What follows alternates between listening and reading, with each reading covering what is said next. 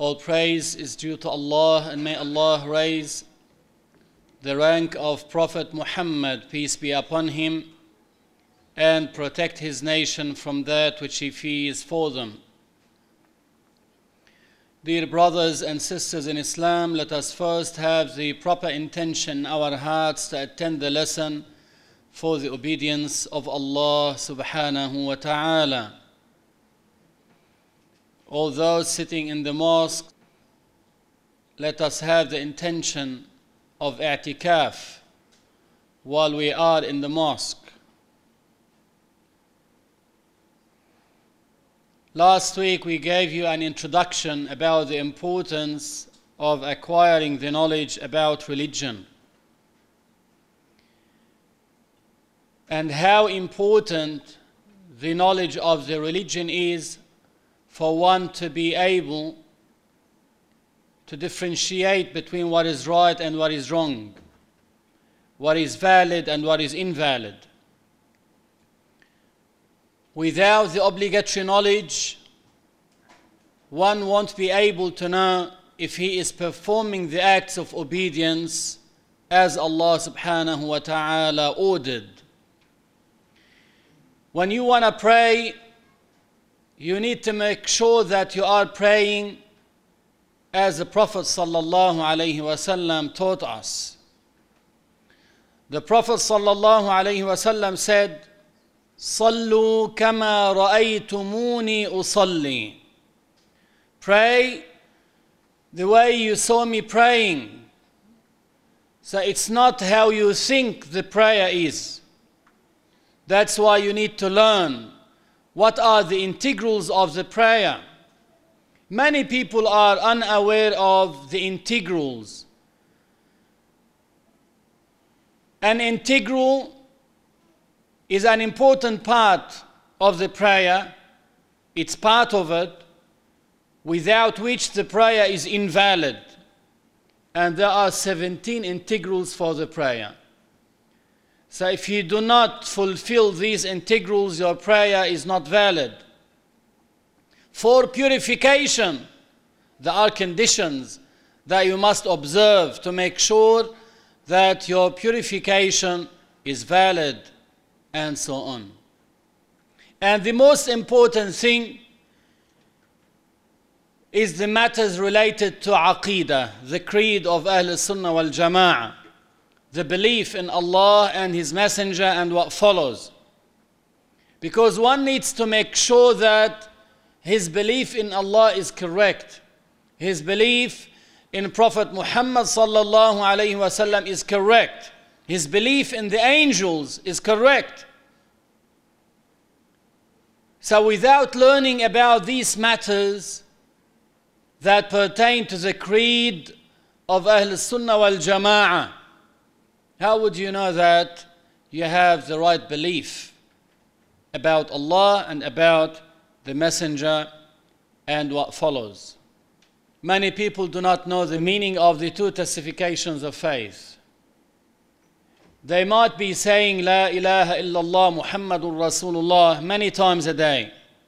But when asked about the meaning of the Shahada, that's the gate of Islam. Anyone who wants to embrace Islam would enter Islam from this door, from this gate, the two Shahadas many people do not know the meaning of the two shahadas.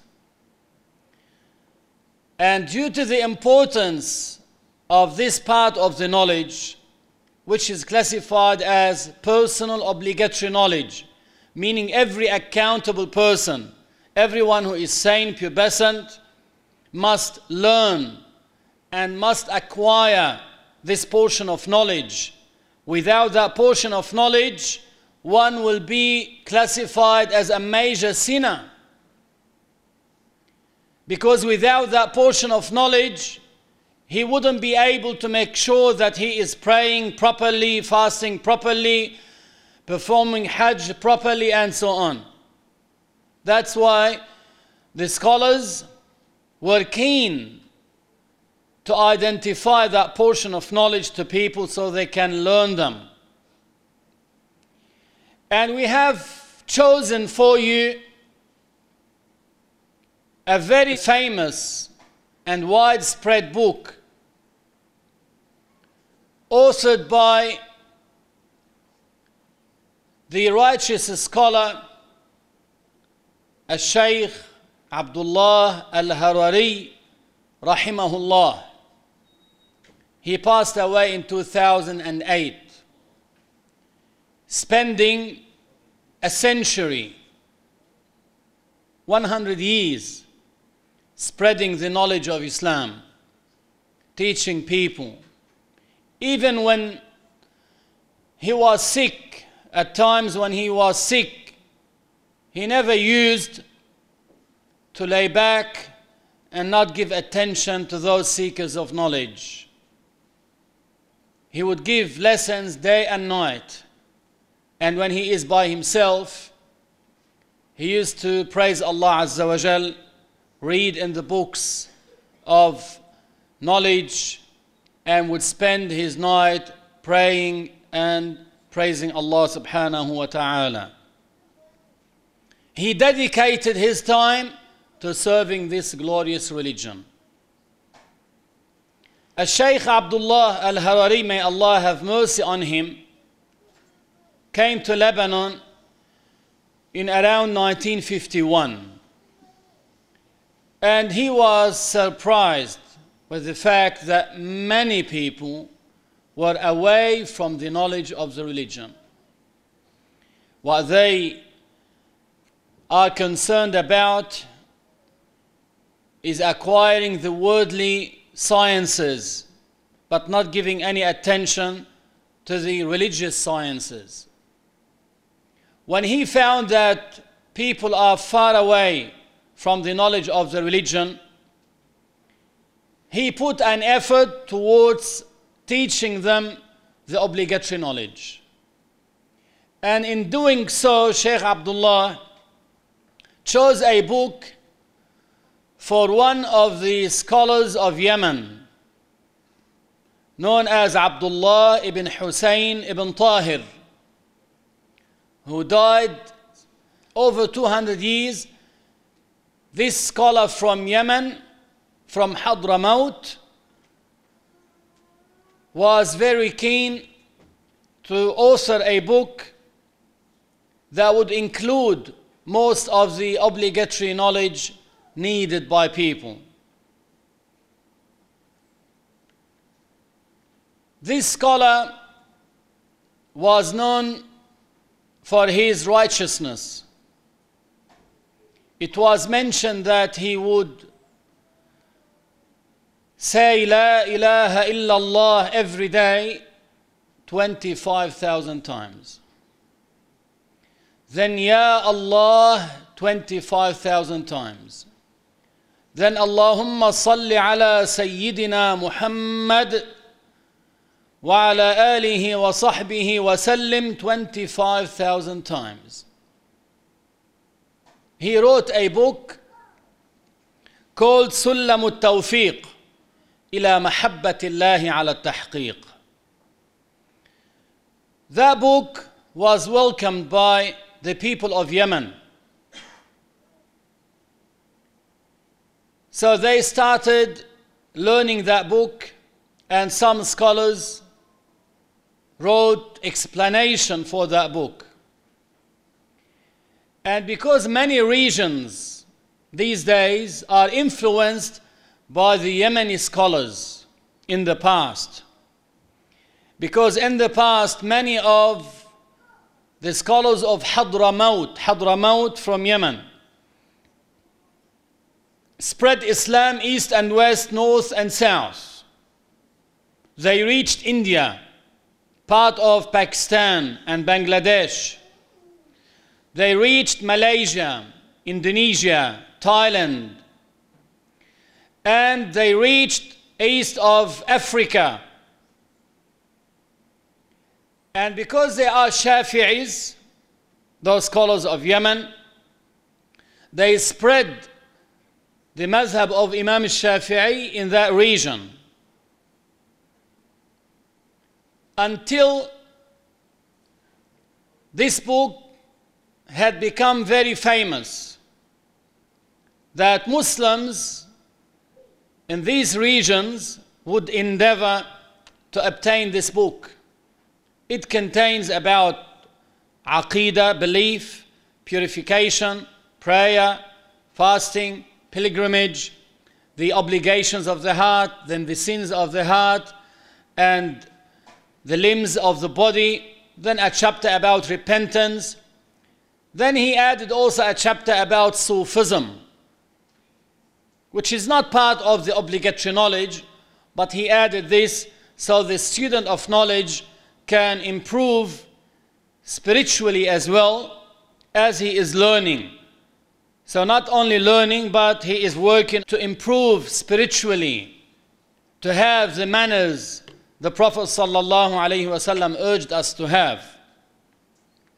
So, this scholar, Abdullah ibn Hussein ibn Tahir, wrote this book called Sullam al Tawfiq ila Mahabbatillah على التحقيق. Sheikh Abdullah found this book very useful and important. So Sheikh Abdullah summarized this book.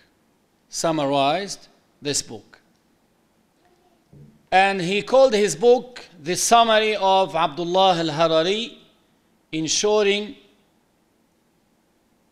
most of the obligatory knowledge.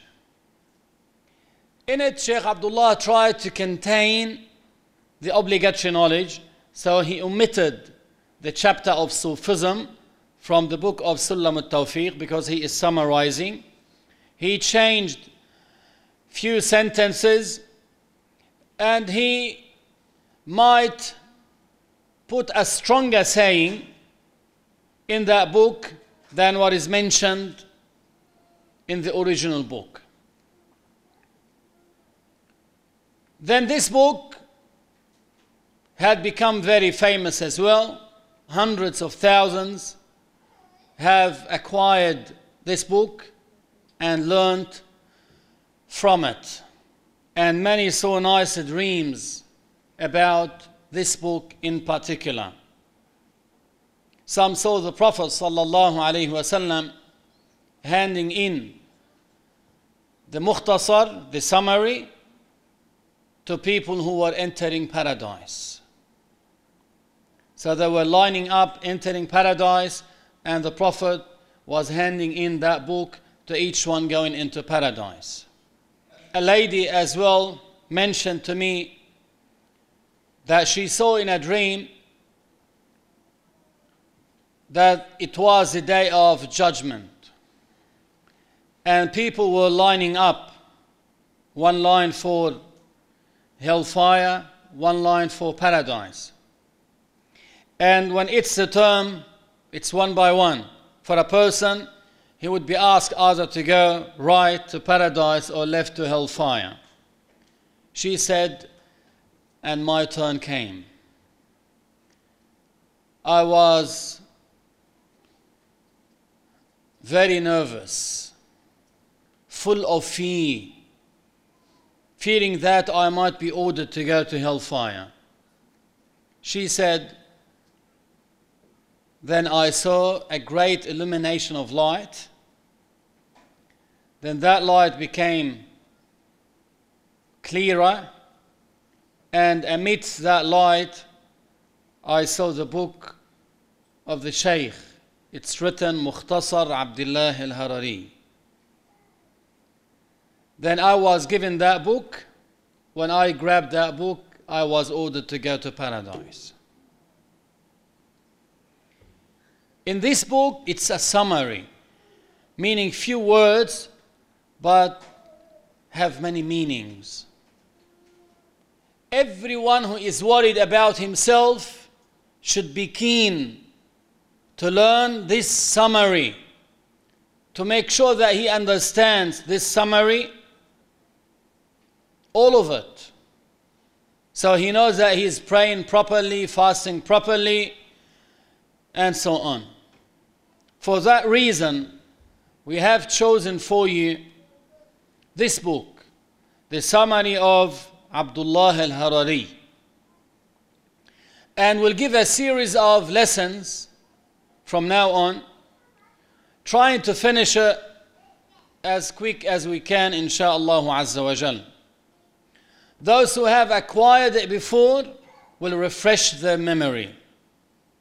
And those who haven't acquired this book will be taken to make sure they have fulfilled that obligation, which is to acquire the personal obligatory knowledge.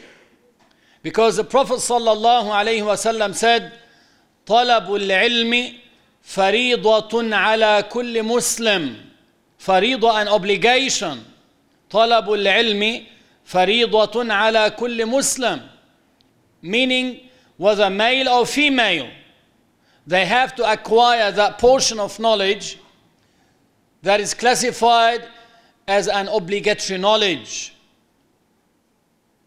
Of course, if you want to pray, you need to make sure that you are praying properly.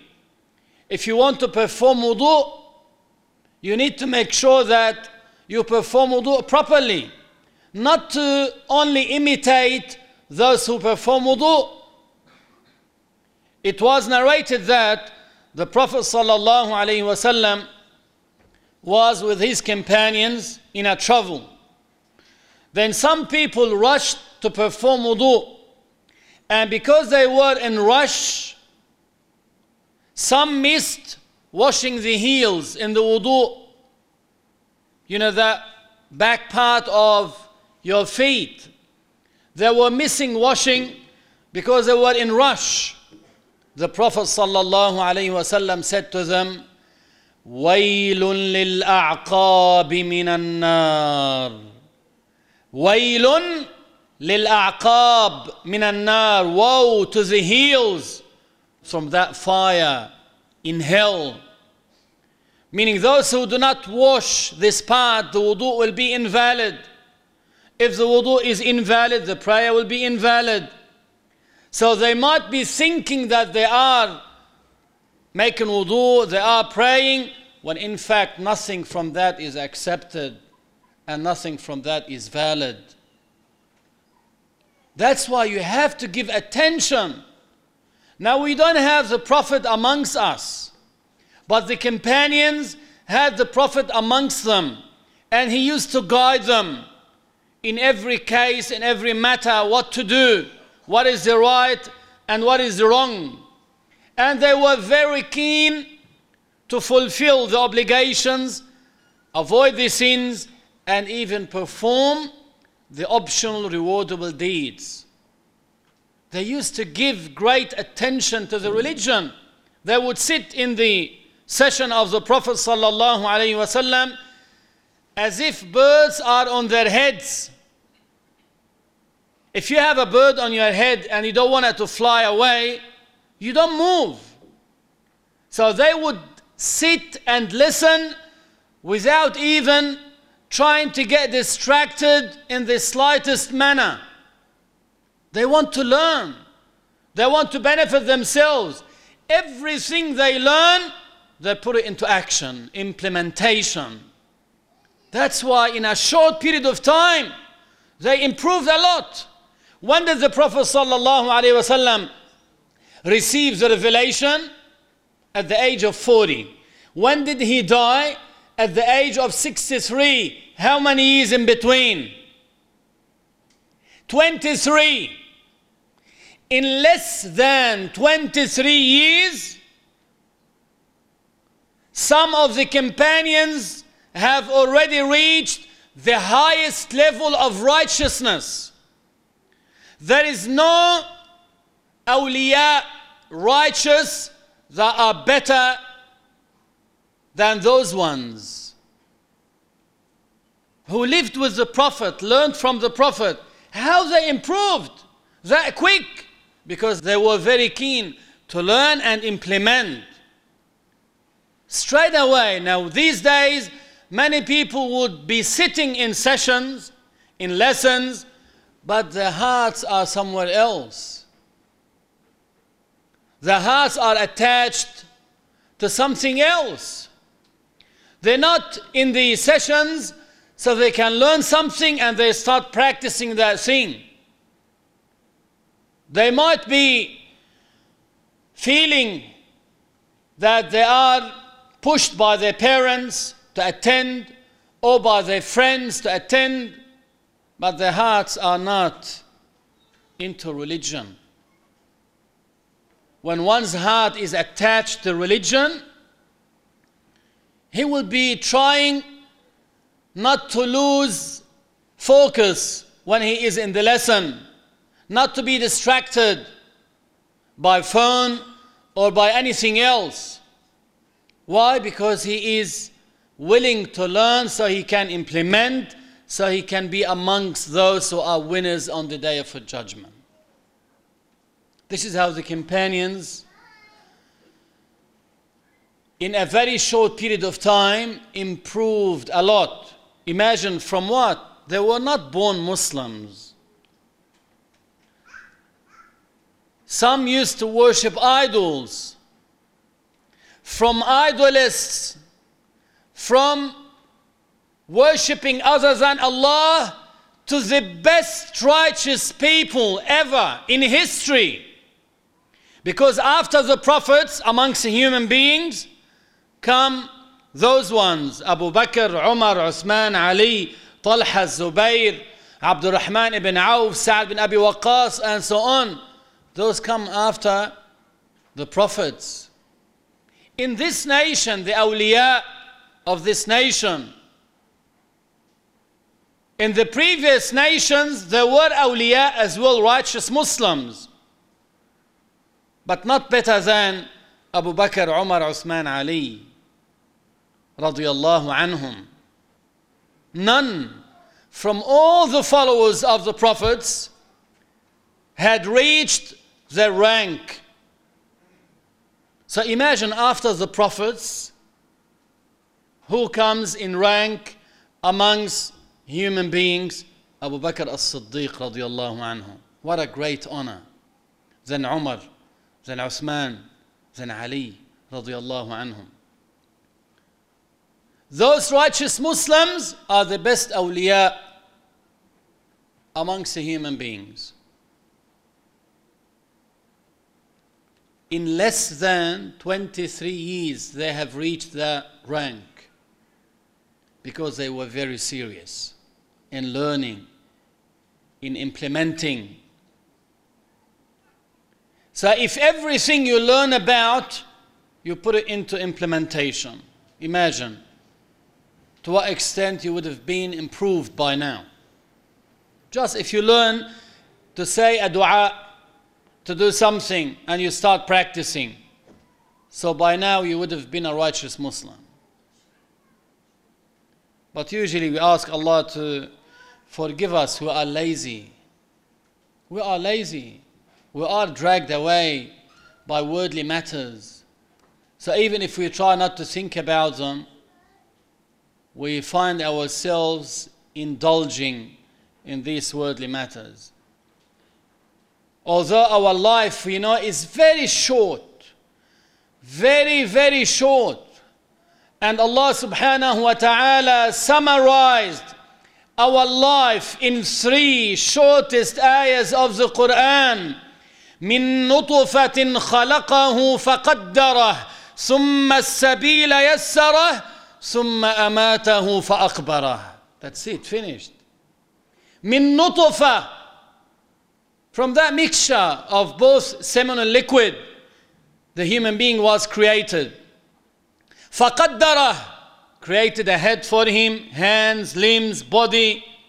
ثم السبيل يسره Facilitated a way out for him from the womb of his mother.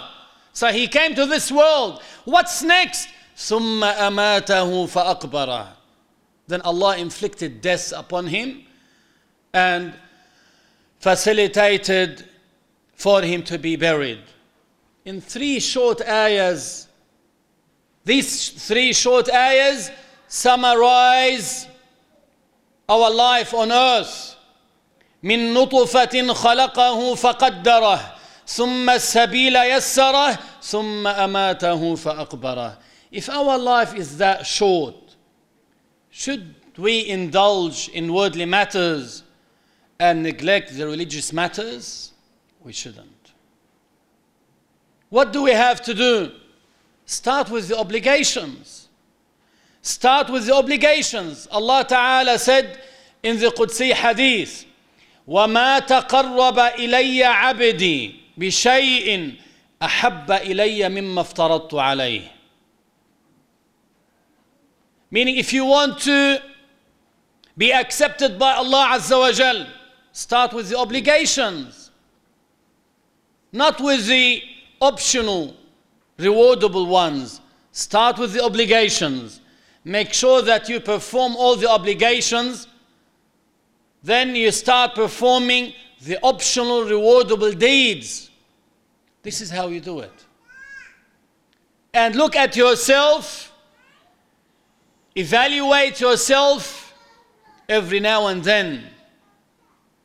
See if you are doing the correct thing, the right thing if you are improving in religion or you are not improving, if you are not improving, that means you have a problem.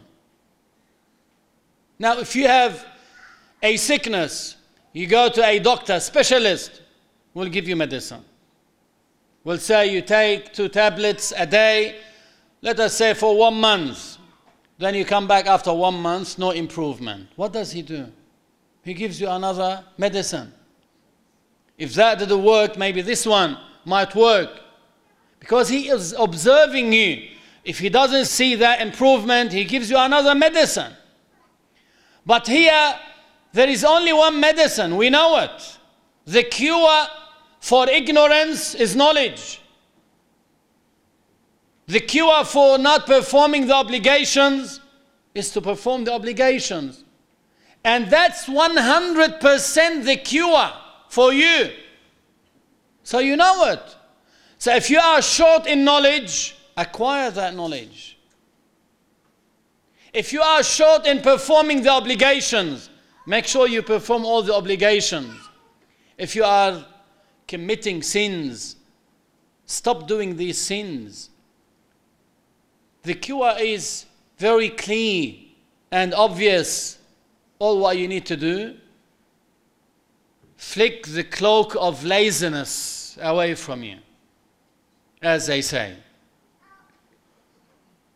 Don't be like a rusted, let us say, piece of gold, but it has all the dust around it. You, as a Muslim, you are a piece of gold.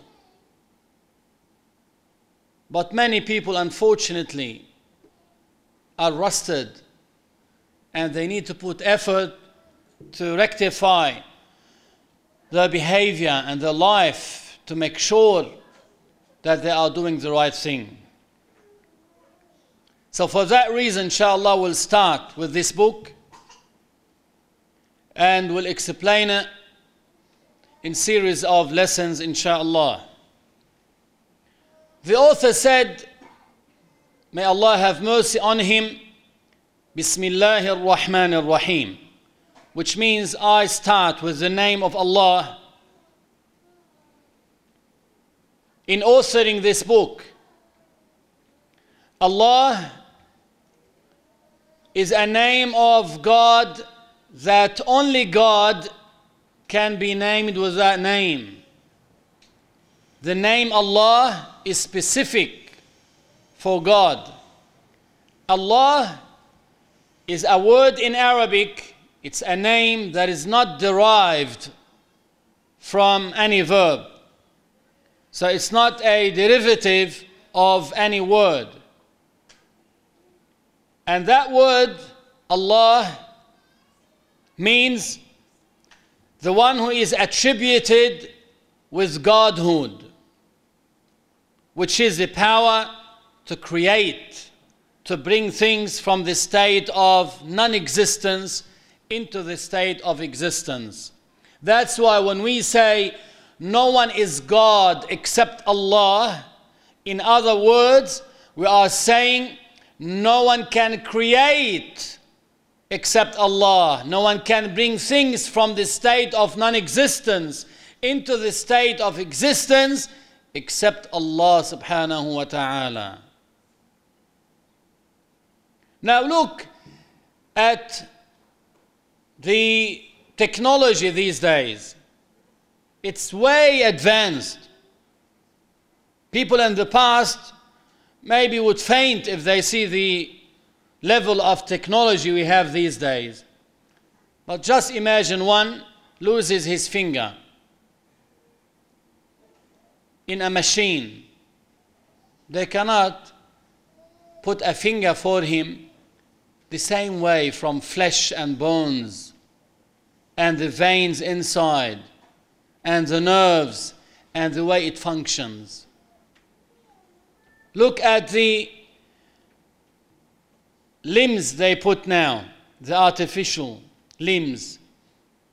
They don't work as the original organ that a person has. Never.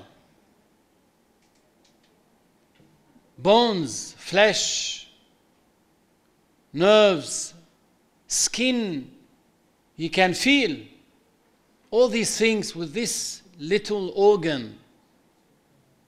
We do not create, we are created. Allah is the only one who creates. So when we say no one is God except Allah, meaning no one creates except Allah. No one has the power to bring things from the state of non existence into the state of existence except Allah Azza wa Jal. And that's why Allah is the only one who is rightfully worshipped. Because Allah is our creator, He's the only one who deserves to be worshipped. So when you say Bismillah ar-Rahman ar-Rahim, I start in the name of Allah. And because the Shaykh is authoring a book, it would mean starting writing the book by mentioning the name of Allah for a blessing and following the Quran. Because Bismillah ar-Rahman ar-Rahim is a verse for every single chapter of the Quran except for one chapter, Surah At-Tawbah or Bara'ah. But the rest of the chapters 113, they all start with Bismillah ar-Rahman ar-Rahim. And the scholars took this custom from the way the Quran that Bismillah ar-Rahman ar-Rahim is at the beginning of every chapter so they started the books by writing Bismillah ar-Rahman ar-Rahim at the beginning. Ar-Rahman, the one who is merciful to the believers and non-believers in this world and to the believers in the hereafter. Ar-Rahim, the one who is very merciful to the believers. We are here to work for the hereafter. We are here to prepare ourselves for the hereafter. We are created to worship Allah Azza wa Jal. Allah said, وما خلقت الجن والإنس إلا ليعبدون to order us to worship Him, not to eat, drink, sleep, and get married. Look at the animals, they eat, drink, sleep, and they mate. So, what's the difference between you and an animal then? We are here to worship Allah subhanahu wa ta'ala. So, Allah is Ar Rahman Ar Rahim. Praise be to Allah, the Lord of the worlds, the owner of whatever came into existence. The one who is attributed with life, Al Hayy the one who does not come to an end, Al Qayyum, and the one who decreed all the creations, including their acts, sayings, and conditions. There is no speck that moves without the will of Allah subhanahu wa ta'ala. Everything that occurs in this world is by the will of Allah subhanahu wa ta'ala. Every speck that moves, every fine dust that you see moving, in the beam of the light. It's moving by the will of Allah. Every wave of the ocean is moving by the will of Allah. The wind, also moves by the will of Allah subhanahu wa ta'ala.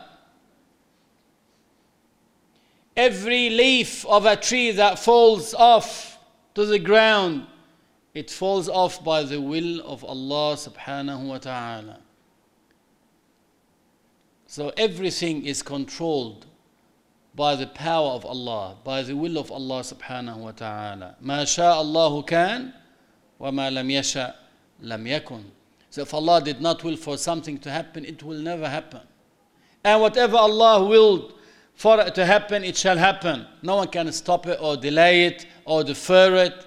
It will happen at the exact time and in the same way that Allah willed for it to happen.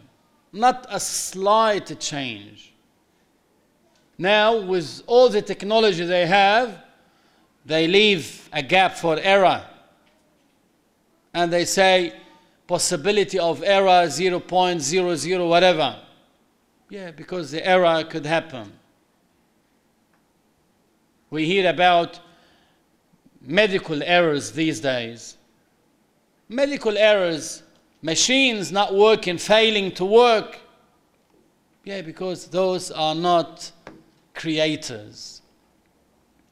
So they are subject to errors.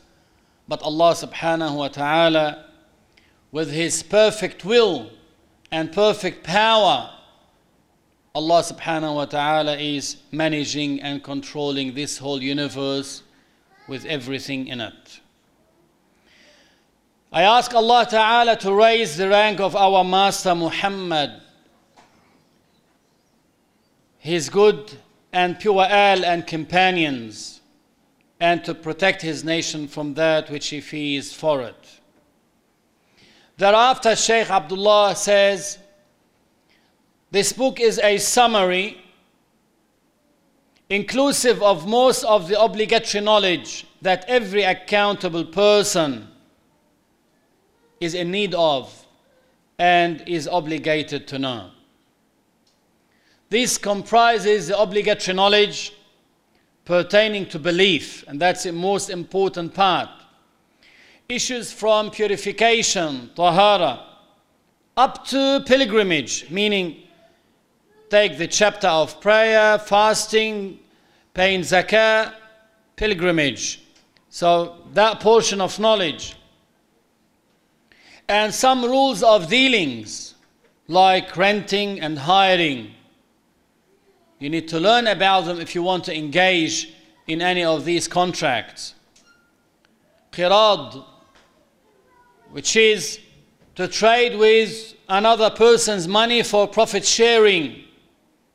You invest your money with someone else for profit sharing. There are conditions for it.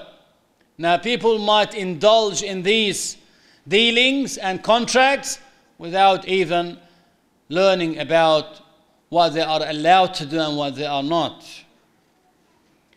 Collateral, when you put something as collateral against a debt, and the like, along with showing the rules of riba and some forbidden sales, according to the school, meaning mazhab of Imam, the famous mujtahid Muhammad ibn Idris al-Shafi'i, al-Qurashi, al-Muttalibi, may Allah raise his rank.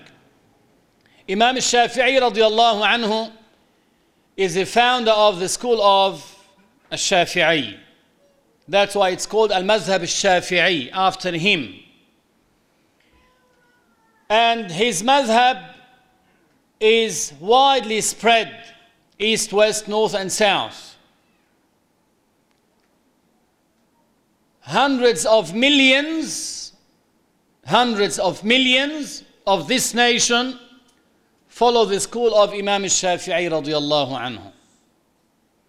He's the one, as Al Bayhaqi and others mentioned, meant by the hadith of the Prophet sallallahu alaihi wasallam, عالم قريش يملأ طباق الأرض علما. A scholar from Quraysh will fill the earth with knowledge. And he was the only one that that description applies to him. He is Qurashi from Quraysh. He is Muhammad ibn Idris, ibn al-Abbas, ibn Uthman, ibn Shafi' ibn Sa'ib, ibn Ubaid, ibn Abd Yazid, ibn Hashim, ibn al-Muttalib, ibn Abd Manaf. That's where he meets with the lineage of the Prophet sallallahu alaihi wasallam. Then Ibn Qusay, Ibn Kilab, Ibn Murrat, Ibn Ka'b, Ibn Lu'ay, Ibn Ghalib, Ibn Fihr, Ibn Malik, Ibn Nadr, Ibn Kinana, Ibn Khuzayma, Ibn Mudrika, Ibn Ilyas, Ibn Mudar, Ibn Nizar, Ibn Ma'ad, Ibn Adnan. Up to here, that's the lineage of the Prophet sallallahu alaihi wasallam. Up to Adnan, that's confirmed. The scholars agreed on this lineage up to Adnan. After Adnan, there is no authentic narration to state the lineage of the Prophet wasallam back to Prophet Adam alayhi salam. So Imam al-Shafi'i radiyallahu anhu meets with the lineage of the Prophet sallallahu wasallam at Abd Manaf. At Abd Manaf. Abd Manaf had Hashim and Al-Muttalib. Hashim is the grandfather of the Prophet sallallahu alaihi wasallam, great grandfather. Because the Prophet is Muhammad, the son of Abdullah, the son of Abdul Muttalib, the son of Hashim. Hashim is the son of Abdul Manaf. Imam Shafi'i's lineage goes back to Abd Manaf. Al-Muttalib. Al-Muttalib was the brother of Hashim. That's why they call Imam Shafi'i Al-Muttalibi. They call him Al-Muttalibi because he goes back to Al-Muttalib, the son of Abd Manaf. He is also known by Al-Shafi'i and that is after his great grandfather that we mentioned, Shafi', the son of As-Sa'ib. And both were companions. Because Shafi', one of his great grandfathers, was a companion, son of companion, Shafi' ibn Sa'ib, he was called a Shafi'i. He was born in Gaza, in Palestine. They call it Gaza to Hashem. Some said he was born in Yemen. Some said in Asqalan. In the year 150. And he died in the year 204. So he lived 54 years. And his knowledge is spread amongst hundreds of millions these days. The obligations of the heart, sins of the heart, and of other organs such as the tongue and the different parts of the body, such as abdomen, eyes, ears, hands, private parts, and feet, are also included. And this book is concluded with a chapter about repentance. So it's important. Every part of it is important. The original book, as we explained, from which the author took his summary, is called سلم التوفيق إلى محبة الله على التحقيق, written by the Hadrami faqih scholar Abdullah ibn Hussein ibn Tahir, the son of Muhammad, the son of Hashim al-Shafi'i al-Alawi. He was called al-Alawi because one of his ancestors was called Alawi. So he was named after him as well. So, who is famous amongst his ancestors? He would be attributed to him. Born in the year 1191 after Hijrah and died in the year 1272. So, it is about 160 years from now. Many precious issues were added to the book to clarify its contents on the other hand, what the author of the original book mentioned of Sufism, as we mentioned earlier, which is not part of the obligatory knowledge, was omitted. Some sentences were changed to make them clearer in such a way that the subject would not be changed. In a few cases, they also mentioned what some Shafi'i scholars like Imam Sirajuddin Umar ibn Raslan al Bulqini, he is one of the top scholars in the school of Imam Shafi'i. They call them Ashabul Wujuh. And some mention that he reached the level of ijtihad. He reached the level of ijtihad. Sirajuddin Umar ibn Raslan al Bulqini, who was born in the year 724 after Hijrah and died in the year 805 after Hijrah. So, what Al Bulqini preponderated, meaning what? He gave more weight to some sayings. Because, in fact, the author of Sulam al Tawfiq took most of his information from Ibn Hajar al Haytami. And Ibn Hajar al Haytami used to rely on the sayings of Imam al Nawawi, Muzan al Rafi'i, and both are in the rank of tarjih in the school of Imam al Shafi'i radiallahu anhu.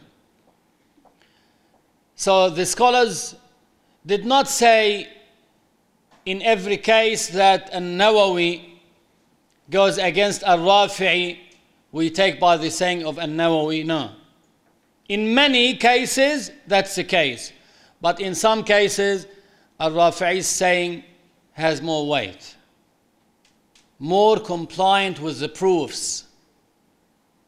So, not in everything, whenever An-Nawawi and Al Rafi'i disagree, we follow with what Imam al-Nawawi said. In most cases, that's the case, but in some cases, we take with what Al-Rafi'i mentioned. Al-Bulqini is higher than them, is higher than Al-Rafi'i and higher than Al-Nawawi. He's from Ashab al-Wujuh and some said he reached the rank of Ijtihad. Imam al-Bulqini disagreed with Al-Nawawi in many cases. Because Imam al-Bulqini was in a stage or rank when he was able to deduce the judgment from the statements of the Imam. Bulqini came after Al Nawawi, and Al Bulqini disagreed with many cases Al Nawawi mentioned. So Sheikh Abdullah replaced some of the sayings of Al Nawawi with the stronger saying that Al Bulqini preponderated, gave more weight to and he relied on what Al Rafi'i mentioned.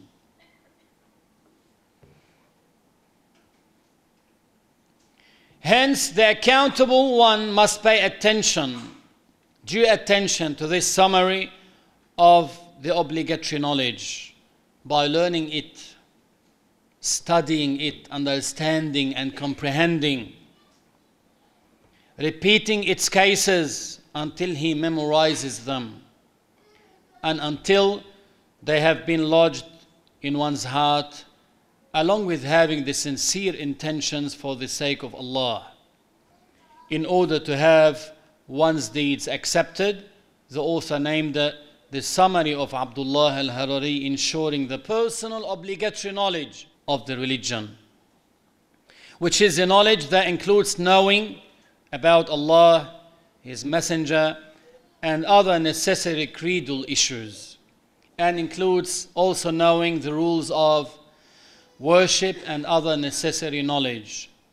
Since knowing about Allah and His Messenger and believing in Allah and His Messenger is the most important and best obligation, the author started the book by talking about the essentials of the belief, which we will leave uh, till next week, inshallah, tabaraka wa ta'ala, we start with it after this introduction. We ask Allah subhanahu wa ta'ala to increase our knowledge and benefit us with the knowledge we have acquired. Ameen. And Allah subhanahu wa ta'ala knows best.